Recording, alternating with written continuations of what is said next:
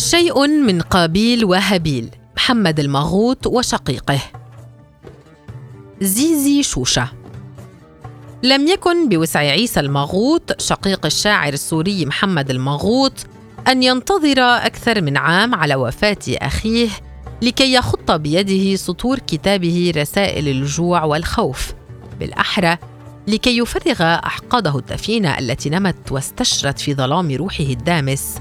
فقط لأنه لم يكن يمتلك الموهبة الأدبية التي امتلكها المغوط ولم تتح له الفرصة للإقامة في دمشق والسهر في مقاهيها ورؤية الصبايا الجميلات اللائي لا تلتصق بأقدامهن النظيفة زبل الحيوانات. نعم، لم يكن بوسع عيسى أن ينتظر، فقد كان ممتلئا حد الانفجار، وكان موت أخيه الشاعر ومن قبله زوجته الشاعرة السورية سنية صالح بمثابة ضوء أخضر له لكي يطلق ما كبته في نفسه. يمرح على الصفحات. ليجيء كتابه مسيئا وفاضحا. ليس فقط لأخيه بل لزوجته أيضا التي توفيت وهي في منتصف العمر بعد صراع مرير مع المرض. وفي المجمل يمكننا القول إن الكتاب ليس سوى عملية ثأر مبين من أخ لأخيه المتوفي كأنه أراد أن يقول لمحبي البدوي الأحمر هذا هو شاعركم الساخر العظيم ينقسم الكتاب الصادر عن دار المدى للثقافة والنشر إلى قسمين.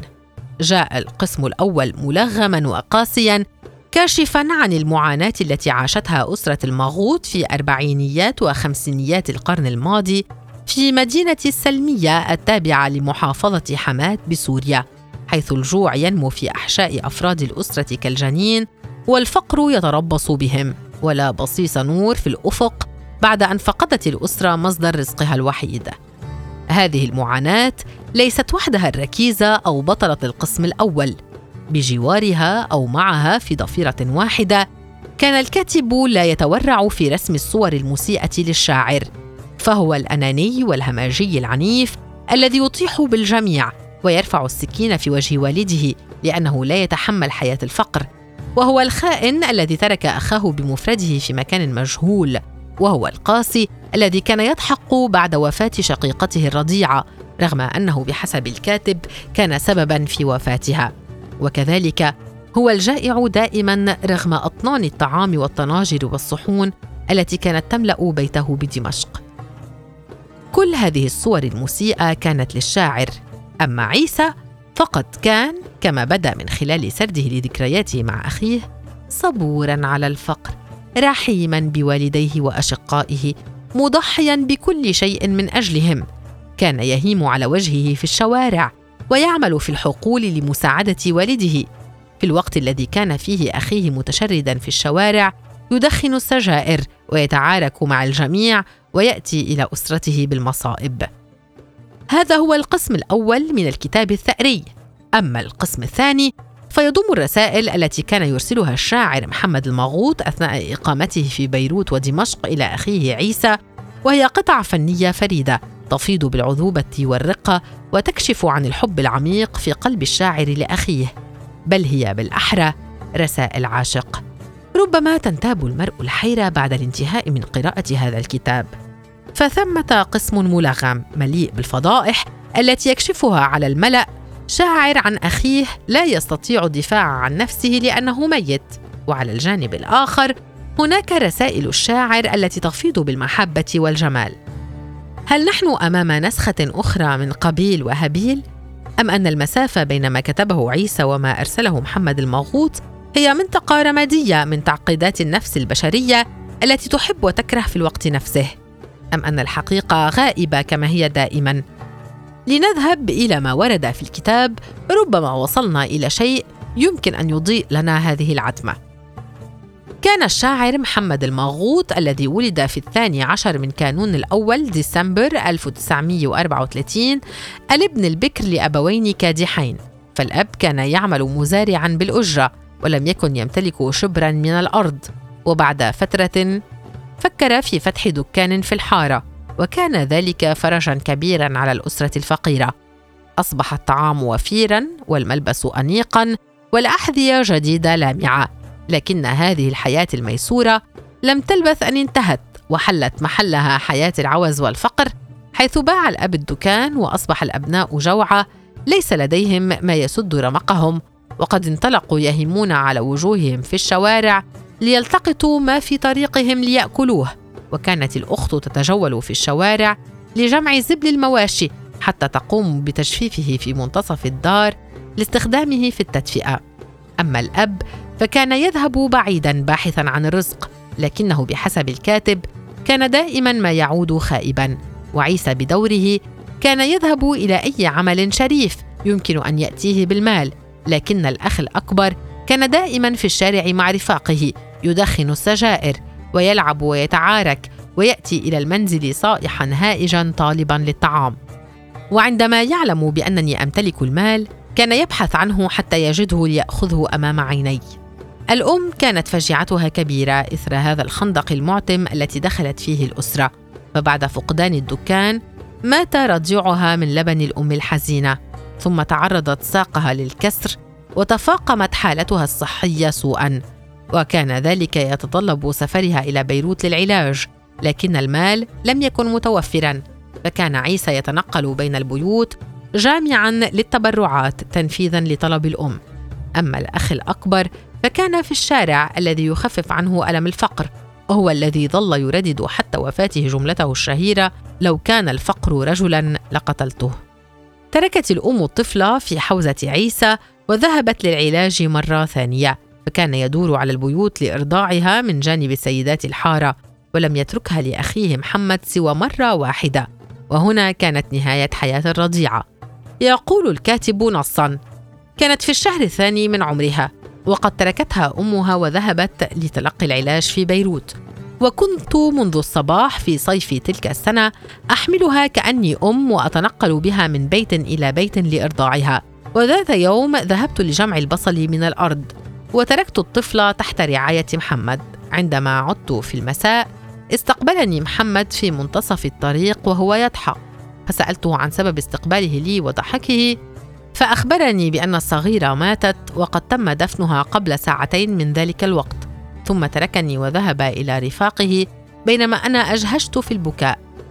رغم هذه الصورة القاسية التي يرسمها عيسى لأخيه إلا أنه لم يخفي إعجابه به على مدار صفحات الكتاب فهو أي محمد المغوط كان دائما أنيقا في ملابسه حيث استدل على جاره كان بإمكانه حياكة الملابس له وإصلاح ما بها من رقع وكذلك كان خطه جميلا ورسوماته رائعة. وكان عزيز النفس لا يخضع لأحد بل أنه لا يبادر في مرة من المرات في إلقاء السلام على أحد المارة. وكان يحميني أنا شقيقه الذي يصغره بعامين إذا تعرضت لأي سوء. استمر الجوع يحفر في أعماق الأسرة الفقيرة. الأم تفقد أطفالها والحيوانات تموت جوعا والأب يذهب بعيدا وعيسى يبحث عن عمل أما المغوط فكان مع رفاقه في الشارع يدخن السجائر ويلعن الفقر إلى أن ذهب إلى المدرسة الزراعية وحصل على الشهادة المتوسطة ثم ساعده أحد الجيران في إلحاقه بإحدى المدارس الداخلية بدمشق وهنا بدأت مرحلة جديدة في حياته. ستلقي بظلالها الرحيمه على حياة الأسرة الشقية حيث هجر محمد الدراسة من أجل العمل الذي مكنه من توفير مبلغ شهري يرسله إلى والده وكذلك إلى عيسى الذي يقول: كنت أذهب إليه في دمشق وأعود مسرورا ومعي المال والملابس الجديدة وتذاكر السينما وصور الصبايا الجميلات بأقدامهن النظيفة من زبل الحيوانات لا تفارق خيالي. وكانت مقهى الهافانا بأدبائها ومثقفيها تبعث في نفسي شعورا رائعا لكن دمشق ظلت بعيدة عني ولم أنجح في الوصول إليها. كانت الحياة في دمشق وممارسة الكتابة هما حلم عيسى الأبدي لكنه لم ينجح في تحقيق أي منهما. أما شقيقه فقد أصبح شاعرا مشهورا. مذ أصدر ديوانه الأول حزن في ضوء القمر الذي كان بمثابة فتح جديد في الشعرية العربية. وبجانب الشعر كانت نصوصه المسرحية تضيء مسارح دمشق وبيروت وغيرها من البلاد العربية. هنا تكونت نمت الأحقاد لدى عيسى، فلم تنجح رسائل المغوط الدافئة ولا دعمه المادي والمعنوي له في التخفيف من حدة عنف أخيه تجاهه. هذا العنف الذي تحول بعد موته إلى وثيقة إدانة مدسوسة بالفضائح وأدق الأسرار كما أن عيسى الذي حصل على ليسانس الحقوق بمساعدة أخيه لم يلتفت إلى حياة شقيقه الصعبة وإلى المعاناة التي عاشها حتى يحقق ما وصل إليه. فقد كانت حياة محمد المغوط سلسلة من العذابات. قضاها ما بين السجون والمعتقلات والتنقل من غرفة إلى غرفة ومن بيت شقيق إلى آخر حتى أنه افضى لأخيه في أحد المساءات أنه كان دائما جائعا وحذاؤه مثقوبا وأنه كان يقطع مسافات هائلة سيرا على الأقدام. لأنه لم يكن لديه ثمن المواصلات وبجانب كل ذلك فثمة ألم غائر حفر في أعماق الشاعر منذ وفاة زوجته الشاعرة سنية صالح. أما الشاعرة فلم تسلم هي الأخرى من قلم عيسى المغموس بالسم. فقد صورها في كتابه كامرأة مذعورة تدور حول نفسها وتكتب لنفسها وتنزوي في ركن لترمم خوفها وذعرها من أخي. وكانت تشعر بأن العالم كله معاد لها. حذرة تشك في الجميع وقد سربت هذا الحذر إلى ابنتيها شام وسلافة حتى صارتا حذرتين تجاه عائلتي بالتحديد. لم يكتفي عيسى برسمه لهذه الصورة المذعورة لصاحبة الزمان الضيق وحبر الأعدام والغبار وذكر الورد بل إنه قد أفشى أدق الأسرار عن حياتها مع زوجها.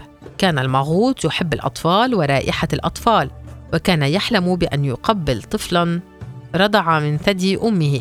لكنه ظل محروما من ذلك فكان يتوسل سنية لإرضاع شام من ثديها لكنها رفضت لأنها اتخذت قرارا بالا ترضع أطفالها. وبجانب هذه الصورة كانت هناك صورة أخرى لسنية صالح تظهرها كامرأة متسلطة متحجرة القلب حيث رفضت أن يقيم شقيق زوجها في بيتها ليومين وأصرت على أن يرحل وعندما رفض المغوط تحقيق رغبتها دخلت الحمام ووقفت بجوار الباب وأجهضت ابنها الذي كان ينتظره الزوج على أحر من الجمر. وهكذا عاشت سنية حياتها في قلق ويأس وحزن حتى انتهى بها الحال في غرفة زجاجية في أحد مستشفيات باريس حيث نالت عناية طبية لم تتوافر لأحد. هذا بالإضافة إلى تفاصيل أخرى تبرز سنية كامرأة لا تطبخ لزوجها ولا تعتني ببيتها ولا تنظر إلا إلى نفسها وابنتيها. كانت هذه الأحقاد تنمو في قلب عيسى فيما المغوط كان مستمرا في إرسال الرسائل والمال لأسرته وأخيه فهو لم ينسى دمشق ولم يغفر للمغوط أنه لم يوفر له عملا هناك. بقيت أجول في البلاد والقرى والمدن إلا دمشق فلم أستطع الوصول إليها إلا بعد خمسين عاما حين أرسل محمد بطلبي بعد أن قعد ولم يمكنه مغادرة البيت وتقاعدت أنا من الوظيفة. وصار هو بحاجة إلى من يرعى المسنين بينما كان صيته يجوب الأفاق. بينما أنا لم يعد أحد يعرفني. لسنوات طويلة بعد أن أصبح أخي مشهورا كان قد نسيني ونسي أسرتي التي تكونت. ولم يطلبني إلا عندما أصبح في حاجة إلي لكي أرعاه كرجل قعيد ومسن. تلبية لرغبة أخيه انتقل عيسى إلى دمشق وفي هذا الجزء من الكتاب يصور المغوط كرجل همجي ومتعجرف لم يرى إلا نفسه شاعرا وكاتبا كما أنه بحسب وصفه كان جائعا دائما لم تشبعه أنواع الطعام الشتى حتى أنه كان يسب من يأتي إليه من الأصدقاء بدون طعام أو هدايا. وكان إذا جاء أحد الرفاق ومعه طعام يبقى هائجا ومتعجلا يتمنى أن يرحل الضيف سريعا حتى يلتهم ما جاء به من لحم مشوي. وهو أيضا لم تشبعه التكريمات والجوائز والأوسمة. كان يرى أن كل ما حصل عليه قليلا مقارنة بما حققه. امتد قلم عيسى إلى المشروع الشعري والإبداعي للماغوط فكان يتحدث بلغة تهكمية ساخرة عن كتابات شقيقه الأخيرة ويراها مجرد منشورات سياسية مستهلكة لم تعد صالحة ولم يعد لها تاثيرا أو مردودا ماديا وأن كتاباته الحقيقية نضبت منذ فترة بعيدة. ويحكي الأخ أنه أثناء عرض مسرحية خارج السرب كان المغوط قد أعطاه بطاقات دعوة لحضور المسرحية. لكنه طلب منه ألا يقول لأحد أنه أخوه. تضايق عيسى من هذا المطلب واعتبره دليلا على خلل وجداني انتاب الشاعر. لكنه بحسب قوله نويت الانتقام فبعدت عنه وهو مريض وفي أمس الحاجة إلي. لكنني ندمت على ذلك ندما شديدا فيما بعد حيث ساءت ظروفه الصحية وعاد لإدمان الكحول. إلى أن سقطت سماعة الهاتف من يده وسقطت معها مرحلة من عمر الشعر ومرحلة من عمر المسرح والمقالة السياسية ومرحلة من عمر الكتابة المدهشة. هذا ما كتبه عيسى المغوط عن أخيه. وربما رسالة واحدة من تلك التي أرسلها الشاعر إلى عيسى تكون كافية لمحو جزء ولو بسيط من تلك الصورة المسيئة التي رسمها الشقيق لشقيقه. كتب محمد المغوط إلى أخيه في إحدى رسائله زهرة النرجس التي طويتها بين سطورك تشرب من قلبي. آه ما أغلاها. إنها معي ولن تجف طالما مستها يداك. خذ فؤادي زهرة فوارة بالشوق. خذها من سطوري. من نقاط الدم تسلمها إليك ريشتي التي تحبك مثلي وتتذكرك في القيظ وفي الصقيع. أمي إخوتي الصغار كلها زهور بعيدة عن هضابي. وأشم رائحتها من خلال الدروب الجائعة المدسورة تحت الغبار. ولكنك أنت تبقى معانقا صدري كنهر من الدم كساقية عطر كخلجان من العسل أتذوقها بحرمان شهي ولوعة مسفوحة لأنني أشعر بأنك أنت نفسي ووجداني التائه في ظلمات الحياة.